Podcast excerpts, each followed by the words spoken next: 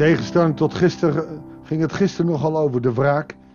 Worden we vandaag toch ook weer bemoedigd. Jesaja wil ons ook laten zien wie hij werkelijk is en wat er gebeurt met het meedogen, mededogen, sorry, meedogenloos is wat anders dan mededogen van God. Goeiedag, hartelijk welkom bij een nieuwe uitzending van het Bijbels Dagboek. Alweer de laatste dag van deze week. En we lezen een aantal versen uit Jesaja 63, vers 7 tot en met 14. Jesaja 63, vers 7 tot en met 14. Ik zal de liefde van de Heer gedenken. En zijn roemrijke daden bezingen. Alles wat de Heer voor ons gedaan heeft. De goedheid die hij het volk van Israël bewees in zijn ontferming en zijn grote liefde. Als je iets moet doen in je geloofsleven, is het gedenkstenen maken. Of je dat nou in je hoofd doet of letterlijk stenen, dat kan een heel mooi iets zijn. Waarop je schrijft wat God voor je gedaan heeft. Het Oude Testament laat ons steeds zien dat, dat ze terugkijken naar de God van de schepper en de God van de bevrijding. Twee belangrijke lijnen in de Bijbel zijn de schepping hij is de God die hemel en aarde gemaakt heeft. Ik weet niet of je wel eens in de kerk zit, dan hoor je misschien ook wel eens deze woorden.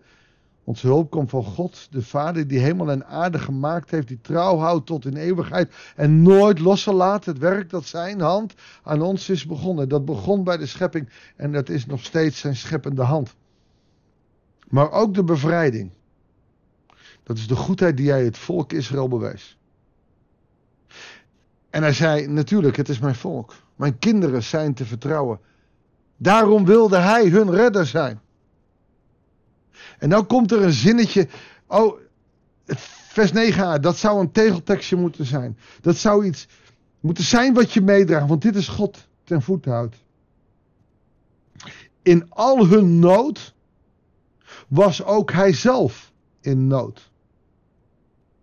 Dus wanneer wij in nood zijn, dan is God in nood. Oftewel, het raakt hem. Hij is in ons lijden aanwezig. Niet omdat het een leidende God is die niks kan, maar hij leidt met ons mee. Hij voelt ons. Zeker na de opstanding van Christus. Als hij de dood door is gegaan, zal hij beter weten dan wie dan ook hoe onze nood is.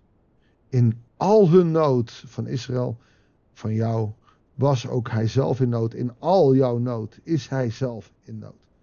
Ze werden gered door de engel van zijn tegenwoordigheid. In zijn liefde en mededogen heeft hij hen zelf verlost. Zie je wel, heb je de verlossing. Hij tilde hen op en heeft hen gedragen al jaren door. Maar ze zijn in opstand gekomen. En hebben de Heilige Geest gekrenkt. Het gebeurt niet vaak dat in de in het Oude Testament gesproken wordt over de Heilige Geest. Maar ze maar een paar keer. Een van die keer is hier. Ze hebben de Heilige Geest gekrenkt. De blasfemie. De zonde tegen de Heilige Geest. Daarom werd hij hun tot vijand. En bond hij de strijd met hen aan. Toen dacht hij aan de dagen van weleer. Aan Mozes en zijn volk. Dus ook God kan in zijn woede verkeerde dingen doen. Kan link worden. Het is niet voor niks dat Mozes op een gegeven moment God ging verbidden. Heere God me u heeft beloofd. En nu gaat hij dat zelf doen. Nu gaat hij kijken hoe hij Mozes en zijn volk bevrijd heeft. Waar is hij, God, die zijn volk door de zee voerde? Waar zijn de herders van zijn kudde? Waar is hij die hen bezielde met zijn heilige geest? Dus eh, hij bedoelt zijn kind Israël. Hè? En, en hij praat zeker het Oude Testament, maar ook het Nieuwe Testament over Israël als zijn kind. Die Mozes terzijde stond met zijn luisterrijke arm, die voor hen het water kliefde, om zich een eeuwige naam te verwerven. Die hen door de diepte leidde, als paarden door de woestijn, zonder dat ze struikelden, als vee dat afdaalt naar het dal. Het was de geest van de Heer die hun rust gaf. Ja, u heeft zelf uw volk geleid om een luisterrijke naam te verwerven. God zelf laat terugkijken naar wat hij met Mozes gedaan, dus het verlossend werk. Voor ons is het ook heel belangrijk om zijn verlossend werk af en toe voor ons te zien. Het is belangrijk dat zijn verlossend werk redt en hij ons in die vrijheid zet Maar hoe komt het dan dat we niet in die vrijheid blijven staan? Het komt omdat wij zondig zijn. Maar elke dag mag jij uitstappen naar zijn bevrijdend handelen. Als je daar een tekst bij wil hebben, dan zou ik naar Galaten 5 vers 1 gaan, waar de verlossing van Christus wordt geaccentueerd. Maar waarom ga je dan? Dan moet je niet weer terug naar je oude leven. Je bent bevrijd in Christus. Ik wil je het gewoon meegeven voor dit weekend. Denk er eens over na, Galaten 5 vers 1. Wanneer je dan in Christus bevrijd bent, ga dan niet terug naar die oude tijd, naar de slavenjuk van de zonde. Zullen we bidden? Heere God, uw Heilige Geest richt ons op u.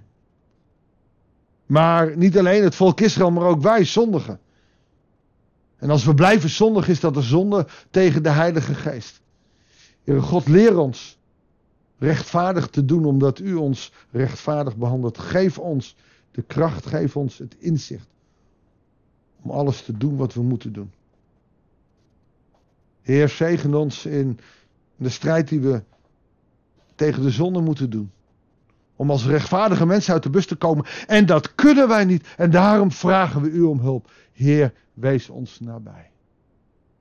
Dat bidden wij u. Geef ons uw Heilige Geest, dat bidden wij u. Geef ons uw hulp, dat bidden wij u, want wij hebben u nodig. In de naam van onze Heer Jezus Christus. Amen. Dankjewel voor het luisteren. Nou, gelukkig het einde van deze week toch even met een wat positieve bericht. Maar het staat wel in de context van de zonde. Maar je zult licht niet gaan waarderen als je de duisternis niet kent. De duisternis is er genoeg in deze wereld. En ik hoop dat jij iets aan Jezus als lichtbron kan geven. We zitten al bijna weer in Advent. Op weg naar het licht. Ik wens je een hele goede dag. En graag tot de volgende uitzending van het Bijbelsdagboek.